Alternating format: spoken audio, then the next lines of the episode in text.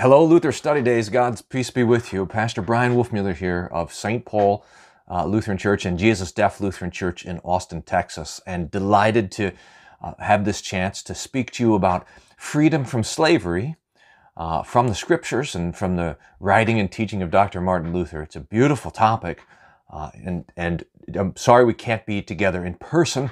Uh, to do it, uh, maybe Lord willing, next year. At least we look forward to the resurrection and our ultimate freedom from the slavery of, of this of this sinful world. Uh, the the idea of being freed from slavery, or uh, perhaps we could say it this way: the themes of freedom and slavery were profound in the scriptures, and because of that, profound in the writings of Martin Luther. In fact, one of his uh, famous 1520 essays concerning Christian freedom or Christian liberty has that little couplet in it. A Christian man is the most free Lord of all, subject to none. A Christian man is the most dutiful servant of all, and subject to everyone. These appear contradictory, he says, but this is the way to explain, for example, the difference between the obligations of faith and the obligations of love, our life toward God and our life toward uh, toward each other. In fact, that Luther captured in his, remember the post communion prayer, where he prays that by the gift of the Lord's body and blood and the forgiveness of sins, we would live in faith towards God and fervent love towards one another. There's this sonship when it comes to God and service when it comes to the neighbor. But that is always in conflict. It's always in conflict outside of us and inside of us. I was look, I've been looking for this passage um, in Luther for for months, in fact, for maybe years. I couldn't find it until today. I find I've got to find that passage for this lecture. It's Luther's preface to Greater Galatians, the great commentary that's referenced in our Book of Concord that says if you want to understand the gospel, just go read this. It's Luther's preface in 1535, where he talks about history, the history of the world from the Garden of Eden until the last days history is a fight between two brothers the brother who has the righteousness of faith, and the brother who wants to establish his own righteousness. Cain killing Abel. Satan attacked the rock of righteousness by faith, faith in God, when he persuaded our first parents to forsake their faith in God, who had given them life and promised enduring life, and to try to become like God by means of their own wisdom and virtue. In a further attack upon it, that liar and murderer, who will always be completely consistent, soon set brother to kill brother, and this for no other reason than that by faith his godly brother had offered to God a more acceptable sacrifice, while he, the wicked brother, who offered his works without faith, was not pleasing to God. Later, there followed a continuous and unbearable persecution of this faith by Satan through the sons of Cain till God was compelled to cleanse the world once for all through the flood and thus preserve Noah, the herald of faith and righteousness. And he goes on to say, Thereafter the whole world went mad in opposition to this faith, inventing endless idols and religions by which, Paul says, Acts 14, everyone went his own way, in hopes of placating a god or goddess or gods uh, of his own works, of redeeming himself from evil by means of his own work. Luther continues, Satan that is this insane idea of self-righteousness, which is amazing. Can you, Luther describes Satan as the, is the insanity of self-righteousness. This is great stuff. Made such headway among the people that they killed all the prophets amongst the Jewish people, and finally even the promised Messiah, the very Son of God himself. From the beginning, this has been the fundamental principle of the devil and the world. We do not want to be seen to be doing evil, but whatever we must do must be approved by God and agreed by all the prophets. If they do this, they must die. Down with Abel, long live Cain, that must be our law. On the next page, it says just this even now, Cain goes on killing Abel without interruption. Now, how about that? The history of the world is the history of those who have faith in Christ and righteousness, and those who want to establish their own. And those who want to establish their own are always attacking and killing the other. Now, this, this picture of one brother persecuting the other comes up in St. Paul in Galatians when he talks about not Cain and Abel, but rather Isaac and Ishmael, the son of the free, the son of the promise, the son of Sarah, and the son of the slave, the son of Hagar, Ishmael. The one who had the promise and the one who did not, and the one who did not was attacking the one who did. Two brothers attacking. And this, Paul uh, says, to adorn this doctrine from Galatians 4 that the Lord has made us not slaves but sons. So here's the text, and this is the key text for us to meditate on Galatians 4, verses 4 to 7. But when the fullness of time had come, God sent forth his Son, born of a woman, born under the law, to redeem those who were under the law, that we might receive adoption as sons. And because, because you are sons, God has sent forth the Spirit of His Son into your hearts, crying out, Abba, Father. Uh, I, was doing some work earlier this year on the passages where we hear what the Father says to the Son and what the Son says to the Father, tracking it down. And I thought, wouldn't it be interesting to find all the passages where we hear what the Spirit says to, to the Father or the Spirit says to the Son and vice versa? And I, the only place I could find where the Spirit is directly quoted when he's talking to the Father, that conversation, intertrinitarian conversation, is this verse. The Spirit says, Abba, Father. So the Spirit in us praying that's the one, the one place that we know what the Spirit says. That's great. And then this, verse 7. Therefore, you are no longer a slave, but a son. And if a son, then an heir of God through Christ. You are no longer a slave, but a son. This is what God wants. He wants sons not slaves. And he takes us and he makes us, he adopts us as his sons, not slaves. But this sonship, this freedom from slavery, this redemption from slavery into the family of God is always being attacked by, by the devil, the world, the flesh, even our own natural theology. Now, I want to take up this topic then of freedom from slavery and, and not with Ishmael and Isaac or not with Cain and Abel, but with two other brothers, the two brothers who are the sons of the lavish father in the parable of the prodigal son. So I want, to, to dig into this parable in Luke chapter 15 and consider it under the theme of the three slaveries and the singular freedom. The three slaveries it shows, it, it, turns out, show up in this parable. The three different kind of slaveries that we can find ourselves in. The slavery of sin, which is the slavery of our sinful flesh. That's hedonism, Epicureanism, maybe not technically, but hedonism. Then there's the slavery of despair and the slavery of pride. Okay, so first, the slavery of sin. Uh, I want to I want to take the text up in Luke chapter 15 for us. Um, remember, uh, just in Luke, Luke chapter 15 is unique in Luke, and it's three parables from Jesus: the the sheep that was lost and is found, the coin that was lost and is found, and the point of both of those texts is the ex- exuberant joy that happens on the on the finding of the sheep and the finding of the coin, this sort of ridiculous, over the top joy, rejoicing over the one sinner who repents. And that's setting you up for the third parable. How, how do you respond to God's grace? Are you part of the party or are you not? So Jesus says in Luke 15, verse 11 A certain man had two sons. And the younger of them said to his father, Father, give me a portion of goods that falls to me. So he divided to them his livelihood. And not many days after, the younger son gathered together, gathered all together, journeyed to a far country, where he wasted his possessions with prodigal living. So the first son, takes everything that he wants and just leaves the father's estate, leaves the father's protection, leaves the father's house, leaves the father's stuff, takes all the wealth with him and goes and squanders it. Now we know, I mean, if you have children, if you are, have lived at all, you look at this and you say, this is not going to go well. I mean, this doesn't end well. We know it doesn't end well. We know what happens when the children run away. We know that this is the path, this, this man is on a path that doesn't lead to life and abundance, but leads to death. In fact, that's this point that sin leads to death. This is why it's slavery. The, the Lord said in the garden, On the day that you eat of it, dying you will die. The wages of sin is death, says St. Paul. This kind of chasing after your own desires, your own wants, your own lusts and greeds, chasing after this sort of thing doesn't lead to life, it leads to death. It's, it's, uh, it's the way that Solomon describes the path of the adulterous woman. This alluring path leads straight down to hell. But when the devil puts us on the path, we just can't see it.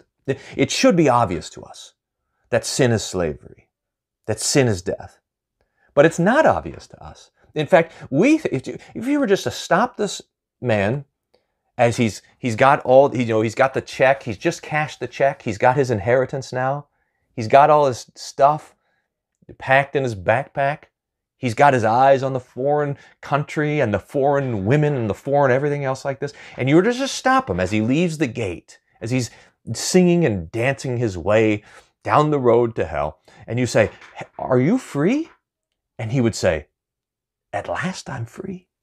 I've been under that guy's thumb under his fist my whole life. I've been doing what he told me to do. He's been the boss and I've been the slave, and now I can do whatever I want. Now I, have burst his bonds and set his.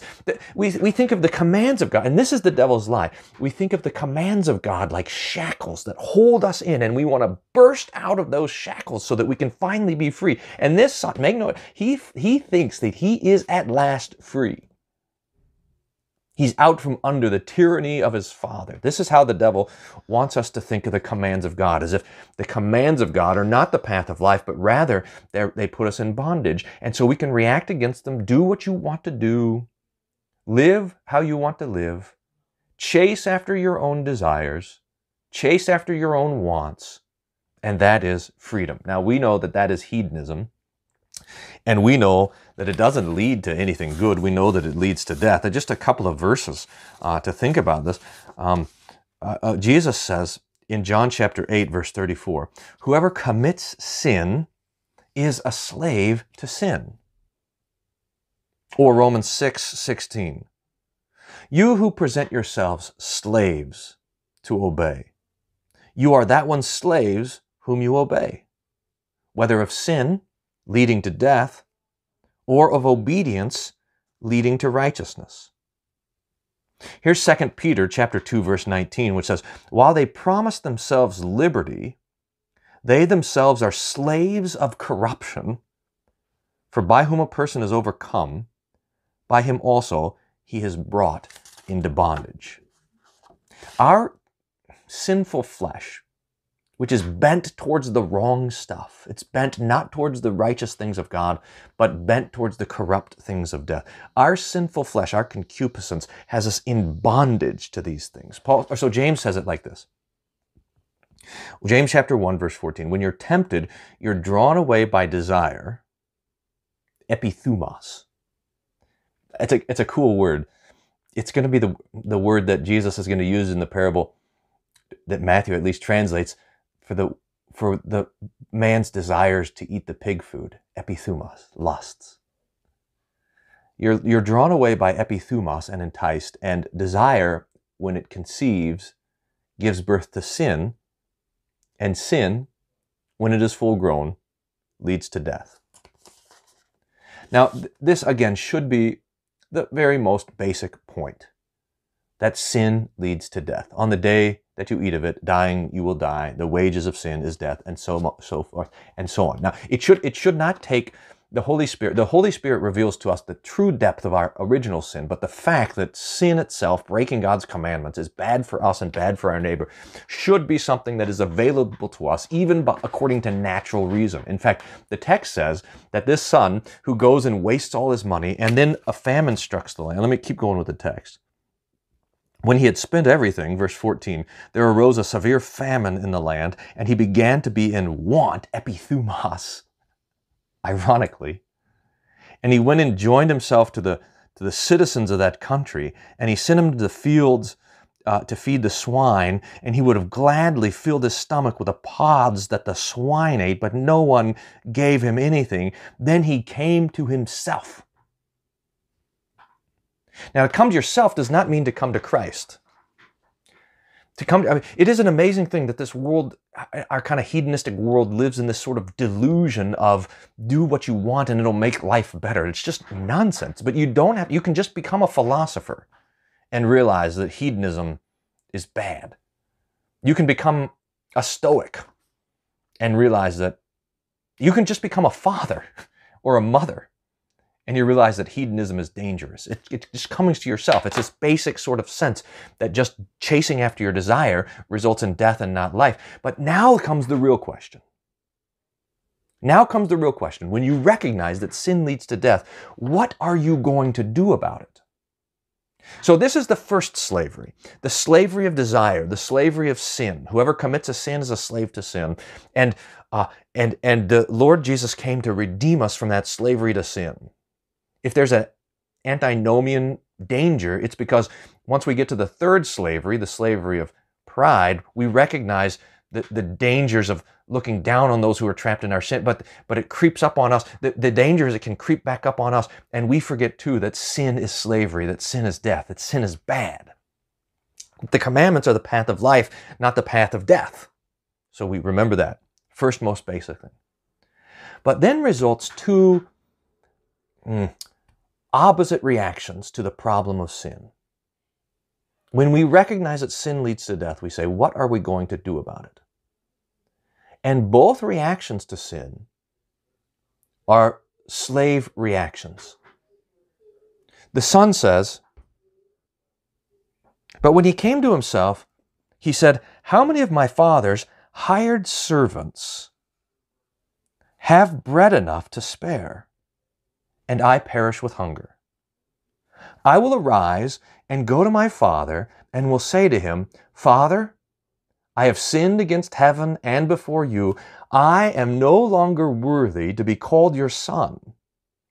Make me like one of your hired servants.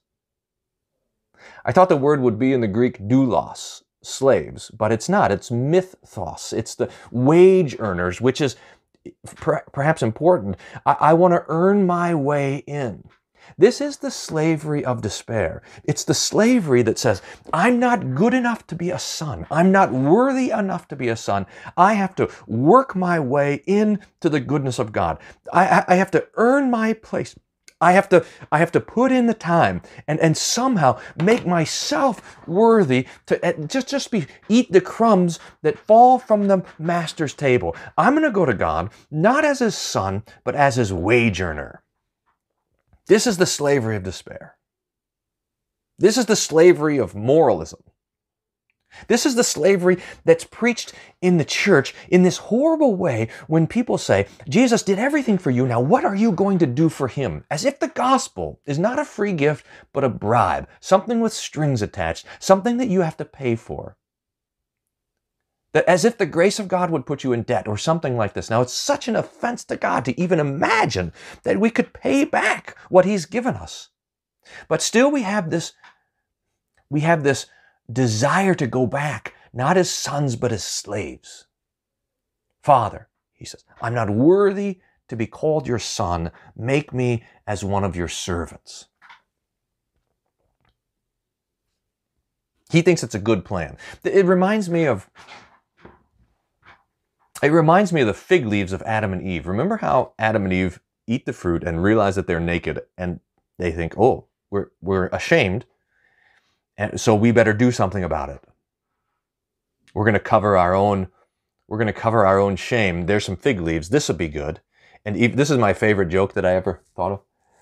Is that uh, after Adam and Eve put on the fig leaves, and Eve comes out from around the bushes and she says, Adam, uh, how do I look?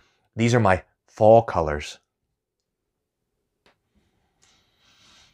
So, so they think that they're they think that they've hidden themselves from God, but then they hear the sound of the Lord walking in the cool of the day, and they realize, whoa, this is not this is not enough. This is not sufficient.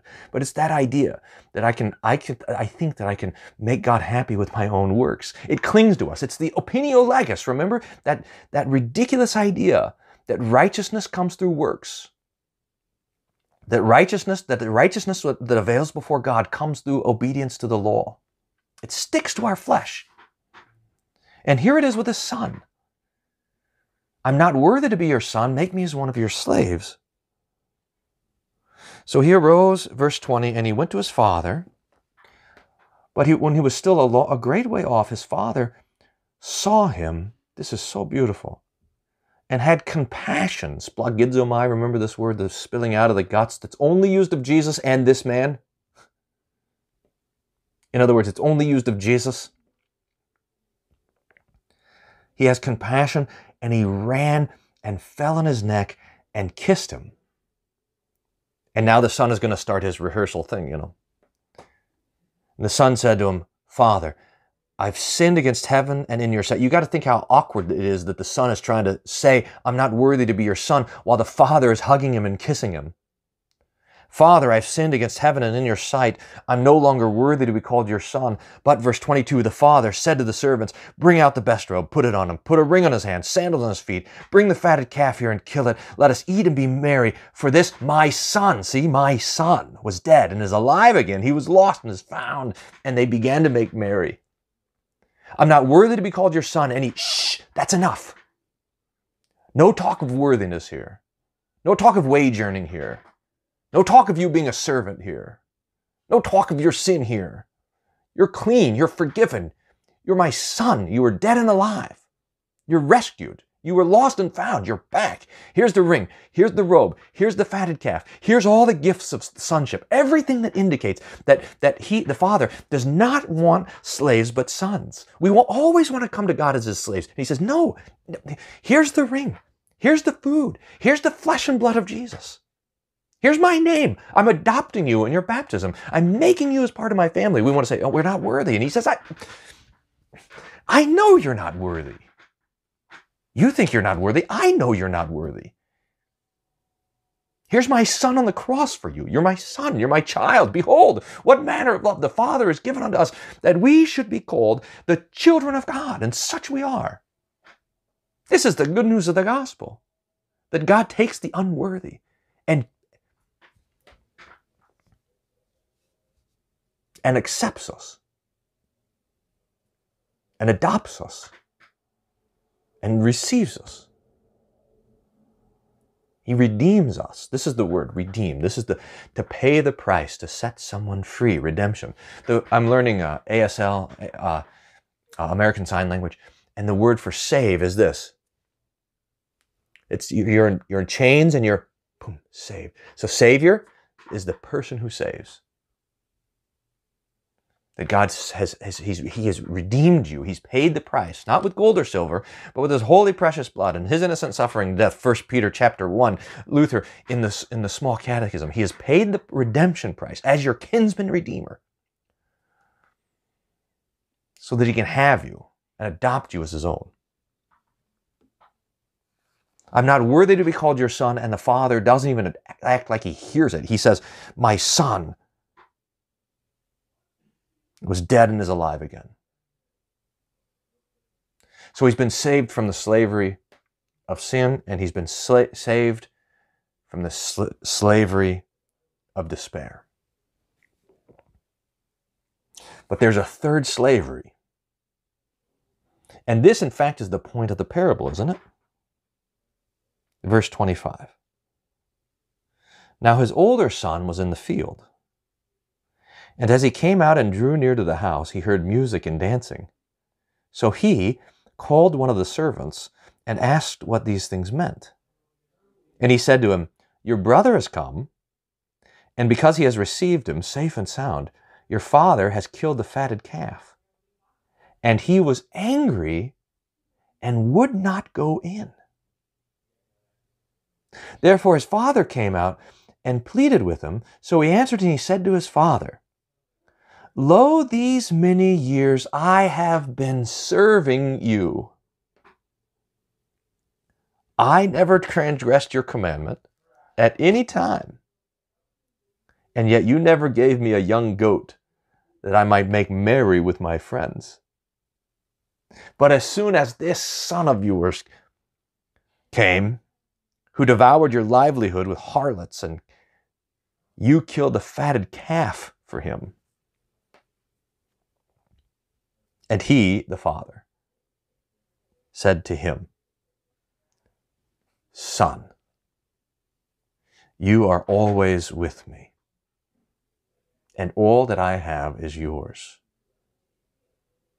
It was right that we should make merry and be glad, for your brother was dead and is alive again, and was lost and is found.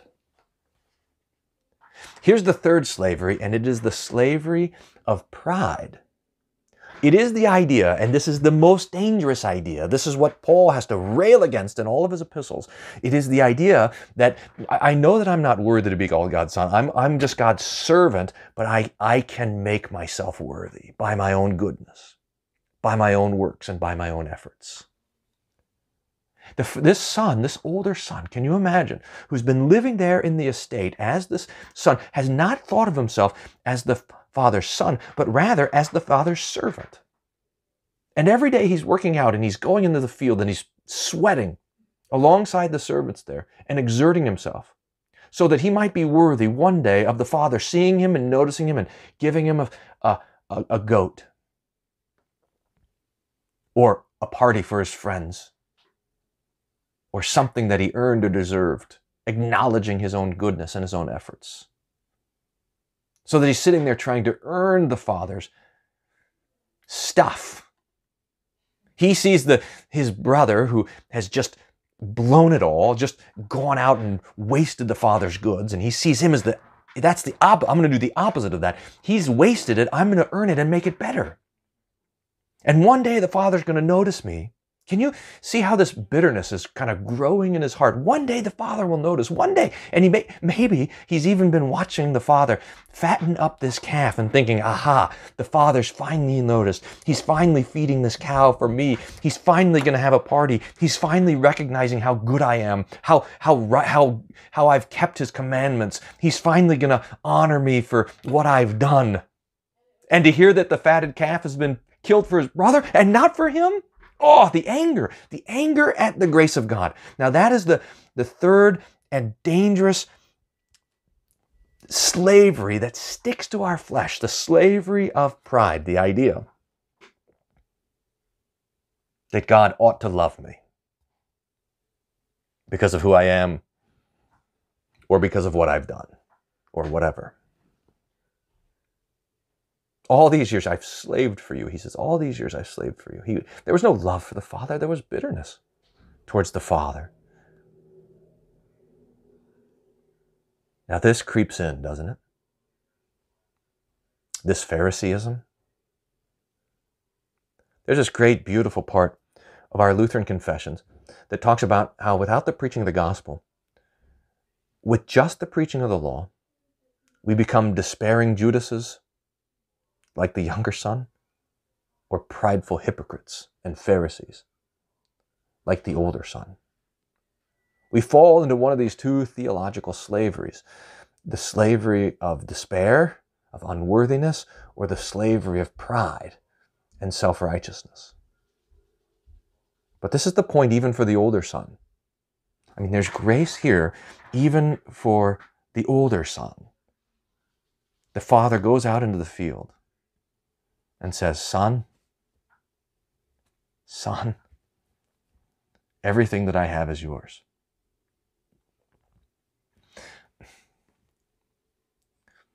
Jesus, your Jesus, is not interested in finding servants to earn their way into his kingdom.